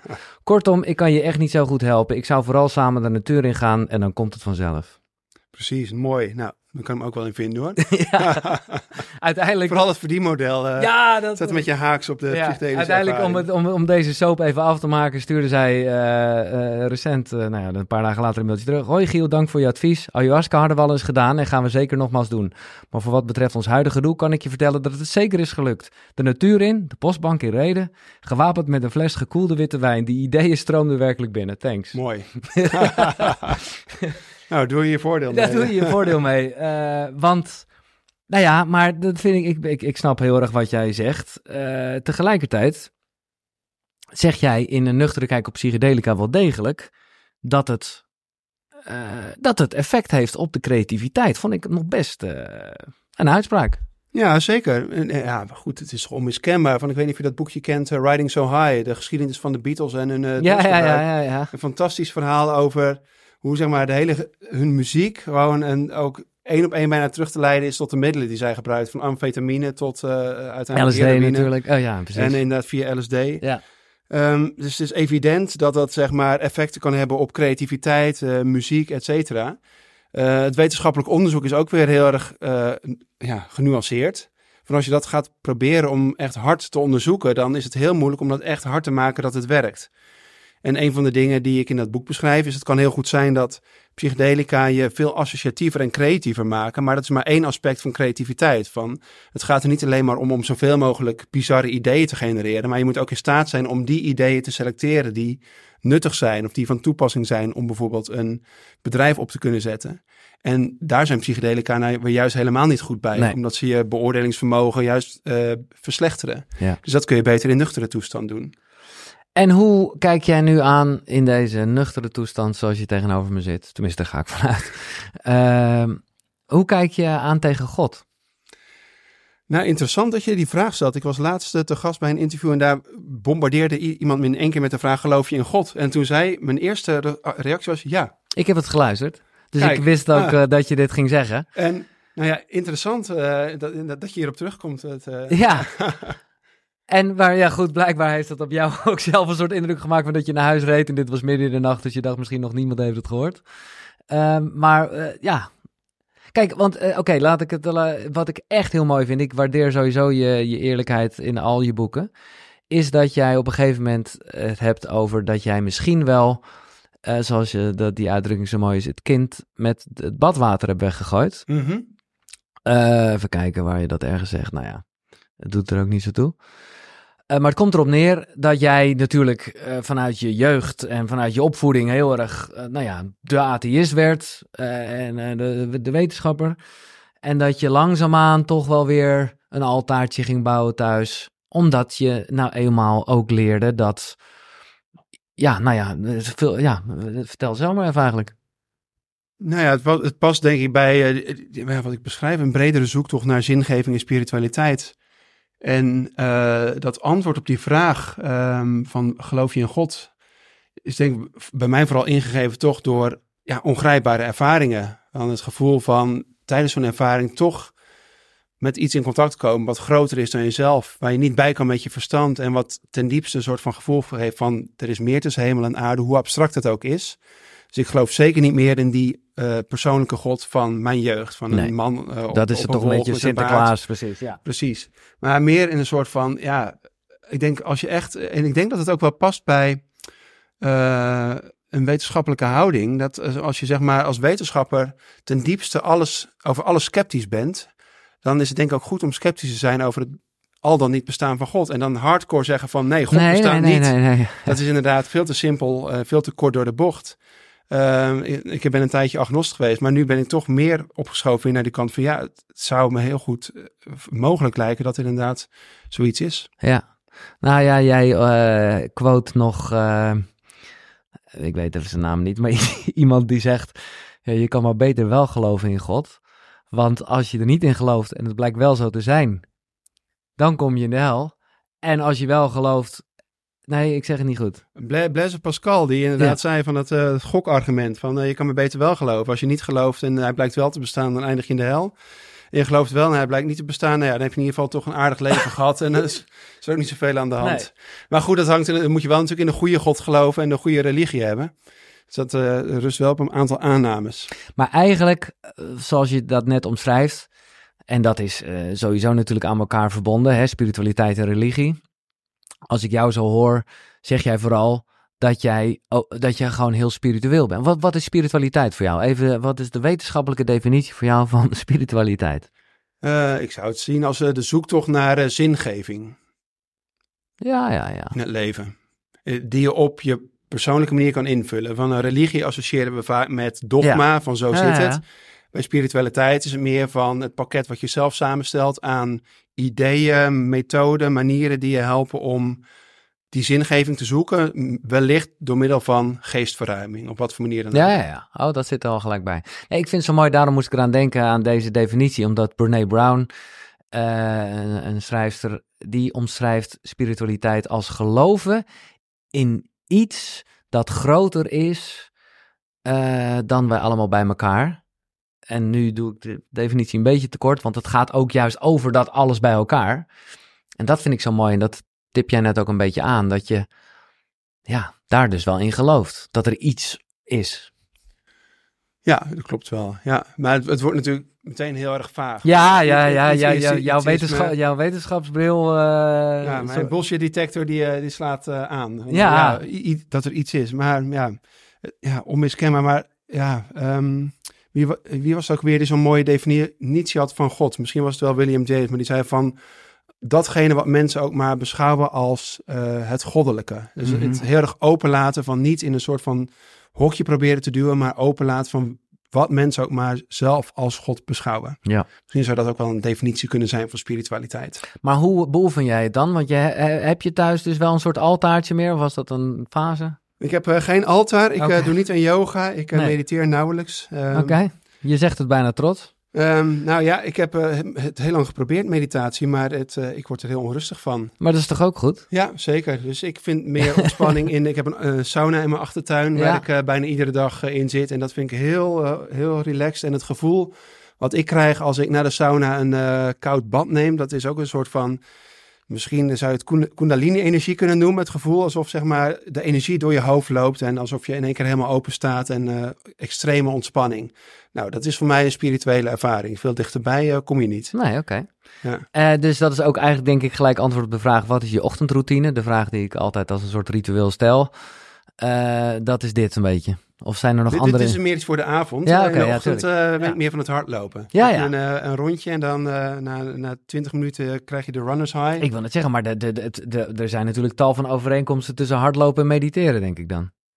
Nou, ook weer niet, want bij meditatie is het juist erg het zoeken van de verstilling en proberen je hartslag omlaag te krijgen, Ja. rustig te ademen en hardlopen en wat voor inspanning dan ook is juist erg een eh, high arousal eh, activiteit. Ja, ja, ja, ja. Ja. daar heb je gelijk in. Maar ik vind daar dus zelf meer ontspanning in en dat is voor mij bijna spiritueler dan dat verstilde zitten en eh, proberen op je ademhalen te focussen. Maar heb je nog wel momenten dat je die storm eh, en die onrust er wel even laat zijn? Want ik snap wel eens dat je zegt dat mediteren niet ontspannend is, maar ja, eh, het hoeft toch niet allemaal ontspannend te zijn in het leven? Nee, klopt. Maar voor mij is zo'n sauna-ervaring Ja. dan eh, een manier. Of, of een wandeling maken. Ik ben bijvoorbeeld begonnen met het pelgrimspad te lopen van Amsterdam naar Den Bosch. En dan eh, Oh, het wandelen is, een dat, is ook een, bijna een vorm Ja. van mediteren. Van Ja. het eerste, de eerste twee uur denk ik echt, waar ben ik mee bezig? Ik heb gisteren nog een stuk gelopen ervan. En dan na twee uur kom je in een soort van rustige modus en eh, wat meer reflecterend. En dan zelfs dat het pad was gewoon niet om aan te zien, het eh, stuk Oké. gisteren deed. Onder de, de rook van Schiphol door. Waarom ben ik hiermee bezig? Maar zelfs dat werd een soort van meditatie. Van, dat is ook onderdeel. Het hoeft niet Ja. altijd leuk te zijn. Hey, dat is het leven. en er hè? mogen ook mindere gedeeltes zijn van de, van de route. Mooi. Ik heb jou gevraagd, zoals ik iedereen vraag, eh, om drie boeken te noemen die nou ja, van belang of van invloed zijn geweest op jouw reis als mens. Ehm, ik ben benieuwd. In willekeurige volgorde. Nou, je, waarschijnlijk ben je de citaten dan al tegengekomen in de boeken die je van mij ge- gezien hebt. Maar William James, The Ja. Varieties of Religious Experience, is toch een eh, klassieker waar ik op terug blijf komen. Ik heb even overwogen om eh, de update eh, te noemen. Dat is een boek van David Jaden en Andrew Newberg, die The Varieties of Spiritual Experiences hebben geschreven. En dat gaat daar echt op door. na 100 jaar een update van Ah. William James. Maar ik dacht van nee, toch terug naar de bron. Maar de conclusie die zij in dat boek ook maken is weer redelijk vergelijkbaar als wat William James, James al zei. Van als je kijkt naar spiritualiteit en religie, kijk dan naar de vruchten van de ervaring. Van wat levert het Ja. mensen op? Ja. En eh, probeer niet blind te staren op de wortels, op de roots. Judge them by the fruits, not by the roots. Is een, Ja, mantra die iedere ehm, keer terugkeert. ja, mooi.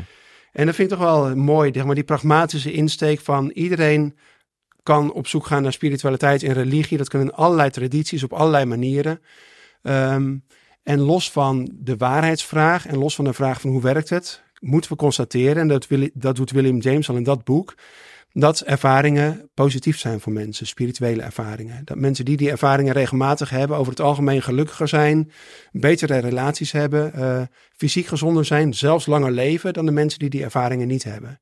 Dus de conclusie is, blijf dat soort ervaringen najagen. En misschien wel een grappige zijnoot, wat ik geleerd heb over William James, is dat hij zelf dus kampte met eh, depressies. En een heel leven lang geworsteld heeft met eh, zware depressies. En dat hij dat boek bijna schreef als een oproep aan zichzelf. Dat hij eh, als wetenschapper geneigd was, geneigd was om niet te geloven. Dat hij dacht van ja, het is allemaal onzin, ik kan er niet bij. Maar dat hij door het schrijven van het boek ehm, geprobeerd heeft om zichzelf te overtuigen van ik moet gewoon, ik heb gewoon spiritualiteit nodig om mij beter te voelen. Mhm. Hij klampte zich daaraan vast. En hoe ervaar je dat zelf? Want ik eh, vond het ook schokkend dat jij in jouw boek Extase eh, over de godhelm en andere religieuze experimenten, dat toen je dat schreef, eh, nou ja, in een, in een soort wolk van depressie slash eh, alcoholisme zat. Eh, dus dat, eh, ja, ja dat, dat, dat, dat doet mij hier wel aan denken. Wa- Was het voor jou een houvast om te schrijven eh, over, over religie? Of was het eh, gewoon een mode? Ja, hoe, hoe- Nee, het is vrij ironisch inderdaad. En dat hielp me totaal niet. Maar ik denk dat, ehm, nou ja, dat het wel laat zien van een van de kenmerken van depressie is eh, dat je dingen eigenlijk veel te scherp ziet. Dat je te realistisch bent. Ja, zeg maar, ja, ja. Te, ja, de, de wereld gewoon te grauw, te betekenisloos waarneemt. Wat misschien wel accuraat is, maar wat helemaal niet helpt. Dus heel veel onderzoek wat laat zien dat depressieve mensen eigenlijk beter inschatten van wat zij zelf kunnen qua vaardigheden, wie ze zijn, wat de wereld om hen heen is, dan niet-depressieve mensen. En dat mensen die niet depressief zijn altijd lijden aan een systematische mate van zelfoverschatting. En dat we dat nodig hebben als mens om een beetje normaal te kunnen functioneren. Dus En- wij hebben dat, dat, dat religieuze, mystieke, ik gooi het er toch maar weer even Ja. in. We hebben dat eigenlijk nodig. Zeker. eh, Om gewoon goed te kunnen blijven functioneren. Ja. En ja, erover Wauw. schrijven hielp me op dat moment niet, omdat ik Nee. die wereld door een, niet door een te, te grijze bril zag, maar gewoon misschien wel door een te scherpe bril, waardoor alles ja, een beetje somber werd en eh, een beetje grimmig werd. Ja, En ik was inderdaad op dat moment heel erg op zoek naar een strohalm van waar kan ik mezelf dan nog aan vastklampen nu ik alles gedebunked heb en alles verklaard heb en alleen maar kan constateren van ja, maar je moet ergens in geloven alles om kapot je gemaakt. beter te voelen. Ja. En, en hoe, het is een persoonlijke vraag, eh, de- dus doe ermee wat je wil. Maar hoe zit dat nu? Want het is wel iets, eh, nou ja, depressie. Als je daar aanleg voor hebt, dan, kom, dan is het af en toe herfst in je leven, laat ik het zo zeggen. Ja, dat gaat. Ik denk dat ik eh, dat gaat beter. Ik denk dat ik in de loop der jaren beter geleerd heb aan welke knoppen ik moet draaien om me oké te blijven voelen. Ja. En eh, eigenlijk nog beter dan oké, om me gewoon heel goed te blijven voelen. Maar die heeft, van zeg maar wat, wat, wat voor verandering in mijn leven heeft gezorgd, is sporten. Dat is echt gewoon zo'n Ja. life changer Ja, geweest. Nog meer dan wat voor ja, psychedelica ja. of ervaring dan Same, ook. ja. Gewoon bijna fanatiek. Elke dag even een half uurtje intensieve inspanning en ik voel me gewoon fantastisch. ja. En eh, nou ja, goed slapen, nog zoiets. Van, slaap is zo belangrijk basics, voor hoe je voelt. En als je zorgt dat je zeg maar, eh, een goede slaaphygiëne hebt, dat is nou ja, zo, van zo'n grote invloed op de rest van je leven. ja. En als ik, nou ja, zo nog een paar van dat soort dingen. En als, je, als iedereen voor zichzelf kan uitvinden wat die knoppen zijn, dan ben je denk ik al een heel eind. Ja, mooi. Echt supergoed dat je dat even benoemt. En ook, want ik wilde net naar de psychedelica gaan in hoeverre het je geholpen had. Nou ja, je zegt nu al wat je eigenlijk meer geholpen heeft. Want psychedelica eh, of middelen of, ver- vergroten natuurlijk ook dingen uit. Dus het zou ook deze wat grijze, nuchtere kijk, kan het ook versterken dan, denk ik. Ja, zeker. En dat zie je ook. Nou ja, ik beschrijf in dat boek een nuchtere kijk een eh, bad trip die ik had in die periode. Waarbij je om de minuut, Alles. om de minuut ging schrijven hoe je je voelde. Want je was ook nog wel Ja. de wetenschapper. Ja, ik, Nou, ik, dacht, had, eh, ik, nou had, ik had er een beetje te doen toen ik het las. Want ik dacht, oh gast, laat het over je heen komen of niet. Maar het was jij, vreselijk. jij Ja. ging elke minuut opschrijven. Oké, nu voel ik me heel verdrietig. En een minuut later... En een minuut later nog steeds. En eh, je tijdswaarneming wordt uitgerekt, dus dat, eh, dat schoot niet op. Nee. Maar het laat wel zien, wat, wat ook dat wetenschappelijk onderzoek laat zien, met depressieve patiënten die psychedelica krijgen, dat is geen leuke ervaring. nee. Die mensen die hebben echt een heel heftige ervaring van alle eenzaamheid, alle ellende, alle negatieve gedachten over het zelfraken, gigantisch uitvergroot. En mensen Ja. komen daardoor in een negatieve loop. En dat is heel akelig, maar het, het gaat voorbij. En die ervaring van dat je zelfs, hoe erg het ook is, die emoties, dat het altijd weer van voorbijgaande aard is. Dat zou misschien wel eens kunnen verklaren waarom psychedelica daarbij kunnen helpen. Dat je het toch een beetje leert relativeren en in perspectief leert plaatsen. Oké, het tweede boek. Het tweede boek, eh, Tanja Lurman, is ook al eh, langsgekomen in die boeken. eh, Talking to God, of When, of When God Talks Back. Dat heeft met name ehm, mijn ogen echt geopend voor eh, ja, hoe religie werkt. Eh, en het is toch best wel intellectueel een hele grote invloed geweest op mij. Omdat zij schrijft over de evangelicale ervaring van christenen die Gods stem verstaan.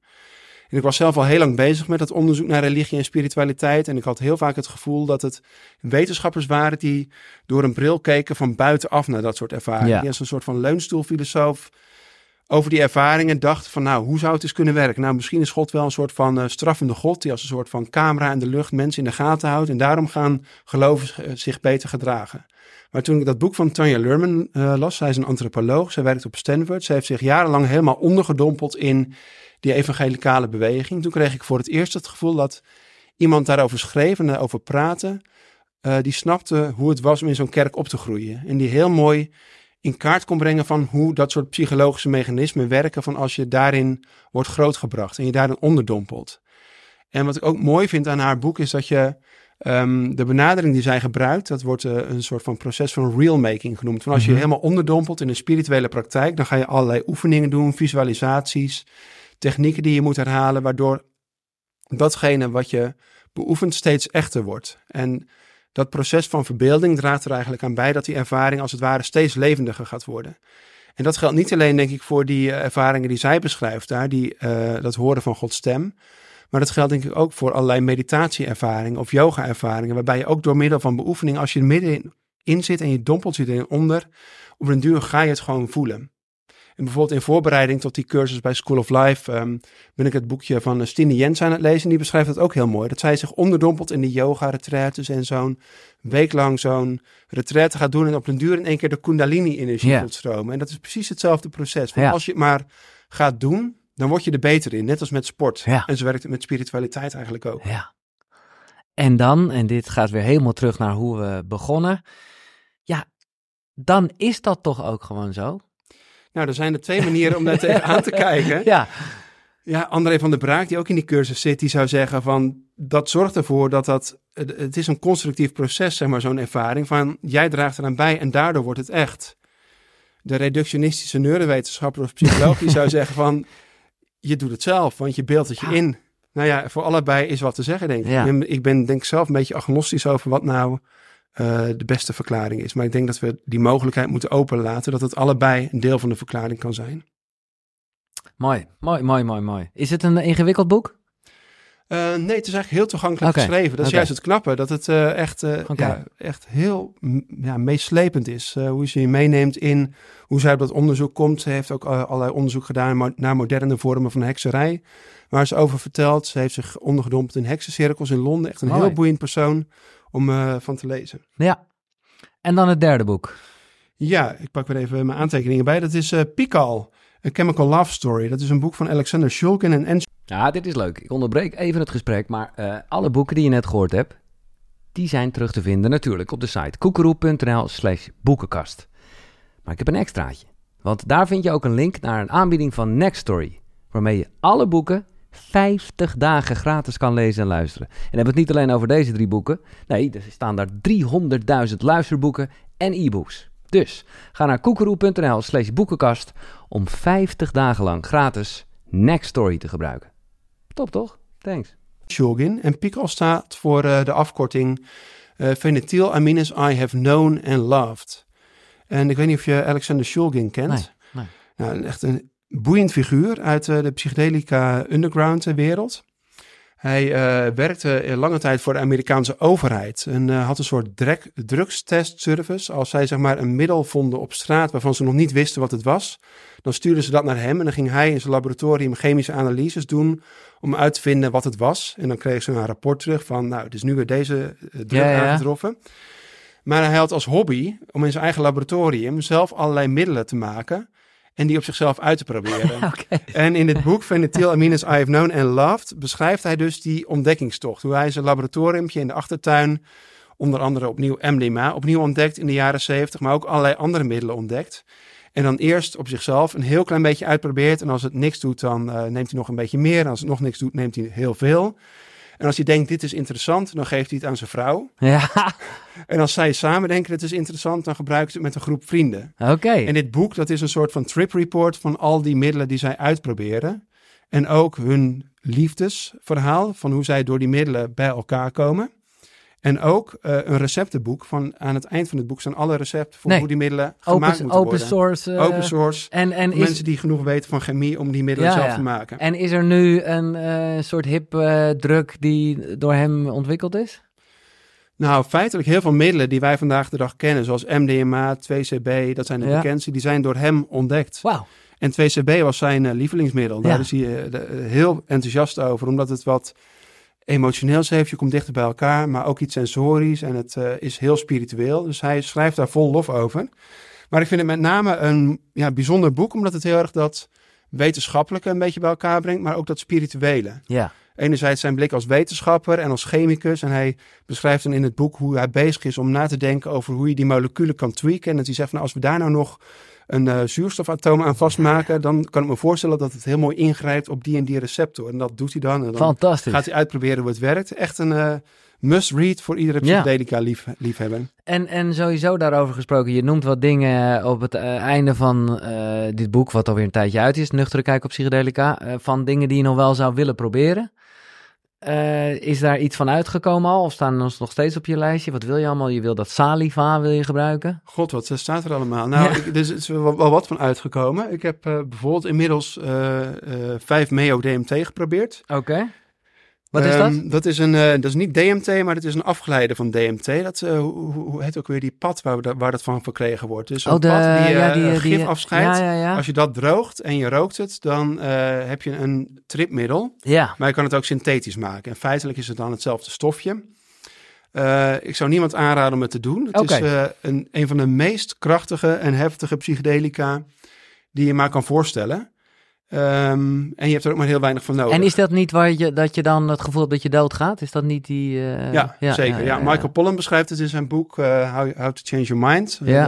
New Science of Psychedelics. En ik vond zijn metafoor dan nog wel het meest op van toepassing. Hij omschrijft het als een uh, nucleaire explosie in je hoofd. Zo. Uh, en het is een heel kortdurend middel. Je inhaleert het, het werkt binnen 10 seconden. En ik had letterlijk het gevoel van, I fucked it up. Dit was het, een explosie en Wow. daarna een complete afwezigheid van wat dan ook. Alleen maar leegte. En daarna een, nou, een heel scenario wat zich ontvouwde. Het, ik had het gevoel alsof ik acht uur weg was. Daarna kwam ik weer bij. Er waren acht minuten verstreken. Maar Zo. een heel bizar middel. Wat mij, inderdaad bij mij alleen maar de fascinatie vergroot voor hoe werkt dit? En gaan we dat ooit uitvinden? Maar ook wat mij nou, toch wel op een bepaalde manier nederig maakt ten opzichte van de grote vraag zoals bestaat God? Van op dat soort Ja. momenten denk ik van ja, dit is gewoon zo beyond comprehension Ja. van waar we met ons gezonde verstand bij kunnen. En tegelijkertijd denk ik van ja, hier moeten we dus onderzoek naar doen, omdat het echt zo'n ervaring is die buiten wat dan ook van onze normale ervaringen ligt. En het is heel evident dat je een middel neemt en dat er uiteindelijk toch een ja, neurologische of een farmacologische verklaring voor te vinden moet zijn. Even heel veel dingen die, waar ik op wil ingaan. Om te beginnen zeg jij nu, en ik voel hem hoor, de, de, de nederigheid. Maar je, je omschrijft ook het belang of de grootheid van ontzag. Is dat een beetje hetzelfde? Maar dan om, Zeker. omgekeerd Ja, benaderd? die, die hangen heel erg met elkaar samen. Ja. Dat je zo overweldigd bent door iets wat je niet begrijpt. eh, dat dat heel veel dingen op losse schroeven zet en je onzekerder maakt of nederiger maakt. Maar ook wel, ik vind het ook, het- het- ja, het heeft mij ook heel, ik, ik kan me er ook gedragen door voelen. Hè, als ik denk aan bepaalde ceremonies die ik heb meegemaakt eh, met, met, met truffels, dat je inderdaad zo, ja, dat ontzag hebt. En ja, ik dat, durf wel te zeggen dat dat nog steeds in mij zit. En dat is heel vergelijkbaar met hoe ik vroeger als klein jongetje maar naar de kerk ging. En dat je, weet je, het is allemaal, ik, ik vind het wel lekker. Ik vind het ook heel mooi. Ja, Maar tegelijkertijd vind ik het ook boeiend dat eh, dat misschien wel een van de kenmerken is van dit soort ervaringen. Maar tegelijkertijd, als ik kijk naar mensen die bezig zijn met spiritualiteit, dan kan er ook heel veel dogma juist weer inkomen. Van ja, ja, ja. toch de waarheid in pacht te hebben of er toch van overtuigd zijn van dit is het ware pad Ja. naar de Ja, spiritualiteit. dat is voor mij precies het verschil tussen spiritualiteit en religie. Maar dat is in mijn hoofd zo. Dat religie eh, is voor mij, eh, zijn die dogma's, zeg maar. Spiritualiteit is gewoon vol overgave, het niet weten, maar daar, maar daar gewoon vrede mee hebben. of Ja, en maar dat eh, accepteren. er zitten Ja. wel veel gevaar in, ja. Ja. Even kijken wat je nog meer wilde proberen. Inderdaad, de 5 ml DMT kan ik wegspreken. Eh oh ja, dat Salvia divon, divonorum. Salvia divinorum. Ja, nee, dat is er nog niet eh, van gekomen. Ja, en daar heb je mij wel in ehm, getriggerd eigenlijk. En het is echt niet als doe het allemaal. Maar een psychonautische dosering, is dat hetzelfde als een heroïsche dosis? Mhm. Eh, in, dit, in jouw geval van ketamine. Maar sowieso, wat is een heroïsche dosis? Eh, dat verschilt per middel. Terence McKenna die schrijft eh, vooral, volgens mij vooral over eh, magische paddenstoelen. Ja? En dan heb je het over, als je dat zou vertalen naar truffels, die je in Nederland bij de Smartshop koopt, een doosje van 15 gram en dan twee doosjes tegelijk. En- en dat dan blinddoeken Ja. met een koptelefoon op en dan gaan Oh. liggen en dan vijf uur lang je helemaal onderdompelen. Ja, En dat is, het voelt nu bijna als een soort overdosis, maar dat is het niet. Het is gewoon zo overweldigend dat je gewoon tot niks anders meer in staat bent dan het over je heen laten komen. Hoe, hoe, eh, ja. Eh, ik, eh, ik kan alleen maar het. spreken over ervaring die ik gelezen heb. En ik zou ook niemand aanraden, probeer het niet thuis als je alleen bent, als je dat soort dingen doet. Altijd met een Ja. trip zitten erbij of met een goede vriend die je daarbij kan begeleiden. Eh, maar wat mensen daaruit halen, ja, een eh, ervaring waarbij je compleet overdonderd wordt en eh, waarbij Ja. alles weggeblazen wordt en je niet meer weet wat voor en achter is en wat het begin en het eind van de tijd is. Jij noemde het toch net even How to Change Your Mind. Ik dacht nog, ga je dat bij je boeken noemen of niet? Omdat die en te bekend is en tegelijkertijd ook wel een beetje gezorgd heeft met de Netflix-serie erbij voor, nou ja, waar je in de Groene Amsterdammer een soort aanklacht tegen maakt. Ehm, en ik vroeg me af bij de boeken of jij ervaring of kennis hebt van cursus in wonderen. Nee, dat kan ik niet. Een boek van Michael Pollan. ehm, ja, is natuurlijk een hele, eh, ja, echt Ja. tof geschreven en eh, best wel een goede weergave van de wetenschap. Dus eh, zeker ook een Een aanrader, nee. Een aanrader, We zullen hem ja. er stiekem bij zetten. Nou, cursus in wonderen, ik weet ook helemaal niet, want dat gaat namelijk weer terug een beetje naar heel erg naar het geloof. Het is een heel gelovig boek, maar ook weer niet. En ik vind het gewoon zo leuk omdat het gaat over eh, dat het ego niet bestaat. En, en, en, en of althans dat het wel bestaat, maar hè, de ego dood. Eh, en hoe we dat helemaal niet onder invloed van middelen voor de duidelijkheid, maar gewoon hoe je dat in jezelf uh, nou ja, bewust van kan zijn. Maar heeft dat niet ook heel veel te maken met manifesteren, die cursus? Dat is waar het mij aan doet denken. Nee, nee, nee, nee, nee. Maar goed, daar kan je tegenwoordig ongeveer alles aan linken. Ja. Hoe, hoe, hoe, wat vind je ervan? Van het ja, hele... ik, ik, ken de cursus niet. Maar nee, maar nee, sorry, van het manifesteren. Het, het, ja, daar, ja. daar doet het mij dus aan denken. Ja. Dat, dat vind ik wel weer gevaarlijk. Uh, omdat je daarbij allerlei uh, valse verwachtingen kan wekken. Dat je dingen kan krijgen als je er maar genoeg in gelooft. Ja. En dat doet mij dan weer te veel terugdenken aan uh, de Pinkstergemeente. Van als je niet genezen werd van je kanker, dan gelooft je niet hard Nee. genoeg. Of dan had je te weinig vertrouwen in God. En dat kan mensen alleen maar Ja.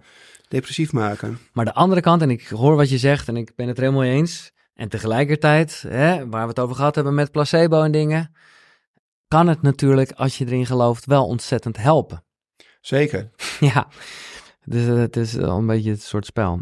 Ehm, ja, ik zou graag een andere keer met je doorpraten, Michiel. Want ik, ik, ik merk, nou ja, Nou, leuk. Ja, veel gedeelde ja, interesses inderdaad. ja ik- en, en muziek en dingen, eh, daar hebben we het dan niet eens over gehad. Terwijl dat eigenlijk dus ook een heel, nou, spiritueel-achtig iets is. Zeker, ja. Ehm, Oké, ik één vraag ga ik je nog wel stellen.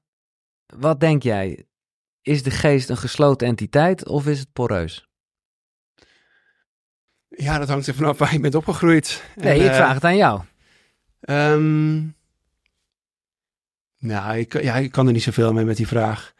Ik, ja, ja, je, je doelt op een onderscheid dat ik volgens mij maak van eh, of je open kan staan voor eh, dat, dat andere geesten jouw geest kunnen binnendringen. Ja, Nee, dan ben ik toch geneigd om te zeggen: nee, onze geest is een gesloten entiteit. Want de geest is datgene wat, wat in jouw hoofd zit. En je kan je, ja, er zijn wel allerlei ervaringen van bovennatuurlijke entiteiten. Maar ik denk toch dat dat ten diepste vaak een product is van jouw geest. Van je eigen geest. En niet dat dat betekent dat er op dat moment allerlei interacties plaatsvinden die we nog niet kunnen verklaren. dus, dus, en daarmee zeg je het al een beetje, maar eh, dat heb ik hier opgeschreven. Pim van Lommel of Dick Swaap? Dik Zwaap. Ja, Ja. oké. Ja, het is toch de, ja, de balans slaat dan toch door naar de nuchtere, Ja, ja, ja. nuchtere wetenschappen. Ik denk wel, ja, ik verzet me wel tegen een soort van hard, harde vorm van reductionisme. Of dat er Wat, alleen is, wat maar, betekent dat? nou, dat je alles kan reduceren tot hersenactiviteit. Ja, of dat je alleen maar, Maar dat, ja. empirisch bewijs kan aandragen in de wetenschap. Ik denk dat er zijn heel veel voorbeelden van ook wetenschappelijk bewijs die niet uit het empirische voortkomen. En denk maar aan bijvoorbeeld wiskundige bewijzen of zo. Dus ik denk dat een focus van alleen maar op die hersenverklaringen, dat we, het zou onwetenschappelijk zijn om ons daarop blind te staren. Maar juist die sceptische, nederige houding, dat we die nodig hebben. Maar dan toch meer aan de kant van iets wat je wel wetenschappelijk kan onderzoeken. Dan naar een model van Pim van Lommel, waarbij we zeggen van ons brein is een radioontvanger. Maar we hebben geen idee hoe dat dan precies zou werken. Terwijl jij dat in ieder geval tijdens een ayahuasca-ceremonie letterlijk zo gevoeld en ervaren hebt. Ja, zeker. is, Maar ik beschrijf het ook. Ik, op dat moment ervaar ik het als echt. En twee dagen later denk ik, ja, natuurlijk is daar een wetenschappelijke ervaring voor te, eh, verklaring voor ja, te ja, geven. dat je dat voelt. Ja. Nou, ja, mooi. Eh, maar dan is de vraag, hoe kijk je aan tegen de dood? Ehm, nou, door die ervaring die ik eerder beschreef, ben ik zelf minder bang geworden om dood te gaan. Ja. Dat ik, ik kon er eerst geen chocola van maken, van die gekke ervaring. Maar toen ik daar een tijdje later op terugkreeg, dacht ik van nou, volgens mij is doodgaan net zoiets. Het gevoel dat je, her- dat je hersenen ontploffen of dat er eh, een explosie plaatsvindt en dat je meegenomen wordt naar een andere ruimte waar je niet bij kan. Ik kan me voorstellen dat het daar redelijk dichtbij in de buurt komt. En of daar dan nog iets mee correspondeert, ik kan me er niet meer voorstellen wat het dan zou kunnen zijn. Maar ja, je kan het nooit uitsluiten. Nee. En eh, moet, dan moet nog even de term terrormanagement eh, vallen. Wat is dat ook alweer? Ja, dat is eh, een theorie die eigenlijk stelt, eh, die heel veel eh, onderzoek heeft opgeleverd in de psychologie. Dat heel veel van wat wij doen allemaal in het teken staat voor, om de angst voor de dood te bestrijden. Dat die angst zo overweldigend is dat we religie, spiritualiteit hebben uitgevonden om daar beter mee om te gaan. En eh, ja, het zou best eens zo kunnen zijn, maar het is bijna een soort van Freudiaanse theorie die Ja, niet heel zo. wetenschappelijk is. Van, ja, je kan alles wel koppelen aan van eh, eh, ja, ja, angst ja. voor de dood, maar ja, het is heel moeilijk om dat echt te checken. En ik snap dat je het niet weet, want we weten het allemaal niet. En dat is, eh, maar goed, ja, ja, ja, ja. wat denk je dat er gebeurt als je doodgaat? Nou, wat ik denk dat er gebeurt is dat er eh, sowieso allerlei stofjes vrijkomen in je brein die waarschijnlijk een, eh, het zou best eens in de buurt kunnen komen van een DMT of een Ja, ja, ja, ja. meo-DMT-achtige ervaring. En ik denk dat daarna, om eerlijk te zijn, het licht uitgaat. Dat er eh, zonder hersenactiviteit geen bewustzijn meer is. En dat er gewoon niks meer is, dat het daarmee ophoudt. Heb je nog ambities? Of dat klinkt een beetje, natuurlijk heb je ambities, maar je, eh, je zou ook, en ik denk dat je inmiddels toch weer wat sceptischer bent geworden, heb je het bijna over een, een, een, een kerk die je zou willen oprichten met psychedelica. Als aanbiddingsleider zou ik net als in mijn jeugd de massa opzwepen tot extatische hoogte, waarna ik vanaf de kansen onbevlogen TEDx-achtige lezing geef, geheel wetenschappelijk onderbouwd over de voordelen van psychedelica.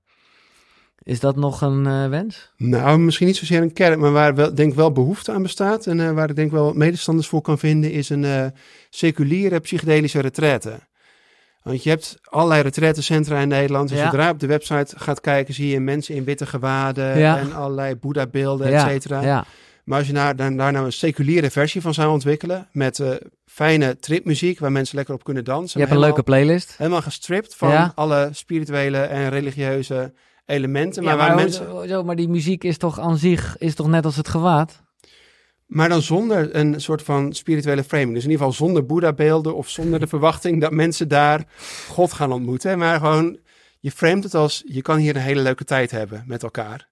En nou, daar, daar staat volgens mij behoefte aan. Gewoon een soort van nuchtere psychedelische retraite waar mensen gewoon naartoe kunnen gaan om een leuke tijd met elkaar te beleven onder invloed van bijvoorbeeld magische truffels. Maar dit vind ik echt, dit, dit, dit, dit ben jij in een notendop als ik dit zo hoor. Een nuchtere, psychedelische retraite. Dus dat, is, dat zijn twee dingen. Nou ja, jij, ja, je bewijst dat ze hand in hand kunnen gaan, maar dat is, er zit een soort error in mijn hoofd, moet ik eerlijk zeggen. Maar heb jij zelf niet een soort van, eh, jij begeeft jezelf nu een langere tijd op dit Ja. pad, een ja, allergie, Nee, allergie Absoluut, die zich absoluut. ontwikkelt van als je zo'n retraite site bekijkt van, oh, daar gaan we weer. Dan- ja. Ja. Maar, ja, dus, dus, dus, dus Met daarom- klankschalen en eh, van die zweverige Einaudi muziek. Ja, maar tegelijkertijd eh, heb ik er ook. En daar weet je, kijk, ik heb niet de, eh, zozeer de behoefte die jij voelt om heel erg die wetenschap in mijn. Hè, ik, hoe- ja, voor mij, dat komt al een aantal keren terug in dit gesprek. Als ik het zo voel, dan is het zo. En dan weet ik gewoon dat al die, ja, die randverschijnselen erbij mij in die staat brengen. Of het placebo, hè, het maakt mij allemaal niet uit. Het brengt me in die staat. En dan denk ik, een klankschaal, ja, hoe je het went of keert, als je iets eh, met een psychedelisch middel doet, krijgt muziek ineens ook een vorm. Werkt zo'n klankschaal gewoon fucking vet. Dus ik vind allemaal, en ik, ik, nou ja, ik vind niet allemaal onzin wat jij net zegt. Dus ik voel wel ook af en toe, dat ik denk, ja, doe even normaal. En tegelijkertijd ben ik juist blij ehm, ja, dat het in zo'n setting gebeurt. Omdat het daar, omdat het dat een beetje magisch maakt, omdat het dan wat minder drugsgebruiken is. Maar ik, ja, ik snap Ja. heel erg wat je zegt. Het is onderdeel van de set en setting en het draagt bij aan Ja, de ja. ervaring. Ik ben zo bang dat als het gewoon in spijkerbroek is, hoi, hoi, hoi, goedenavond, hoi, ga zitten. Ja, ja, ik denk toch dat de ervaring gewoon minder wordt. En ik snap wel waarom. Ja. Ja. Maar goed, als je het eh, gaat beginnen, ik eh, ga zeker langskomen. Ja, Eh, of, je zou, ja, of je zou het moeten verkennen van hoe dat soort ervaringen kunnen zijn, ook meer in een seculiere setting. Ja, nee, dat vind ik zeker. eh, Bijvoorbeeld met truffels op is naar een eh, vet trip-op concert gaan. Ja, Ja. Wel eens geprobeerd? nee, Nee. nee.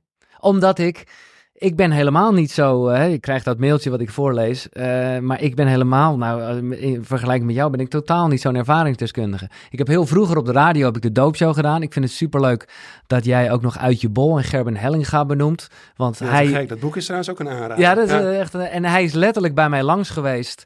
omdat ik elke week een andere druk, zeg maar, in de belangstelling zette. Ik durfde ook heel veel niet. Paddenstoelen durfde ik toen niet. Omdat ik heel veel verhalen kreeg van mensen die eh, terug gingen eh, komen in een trip.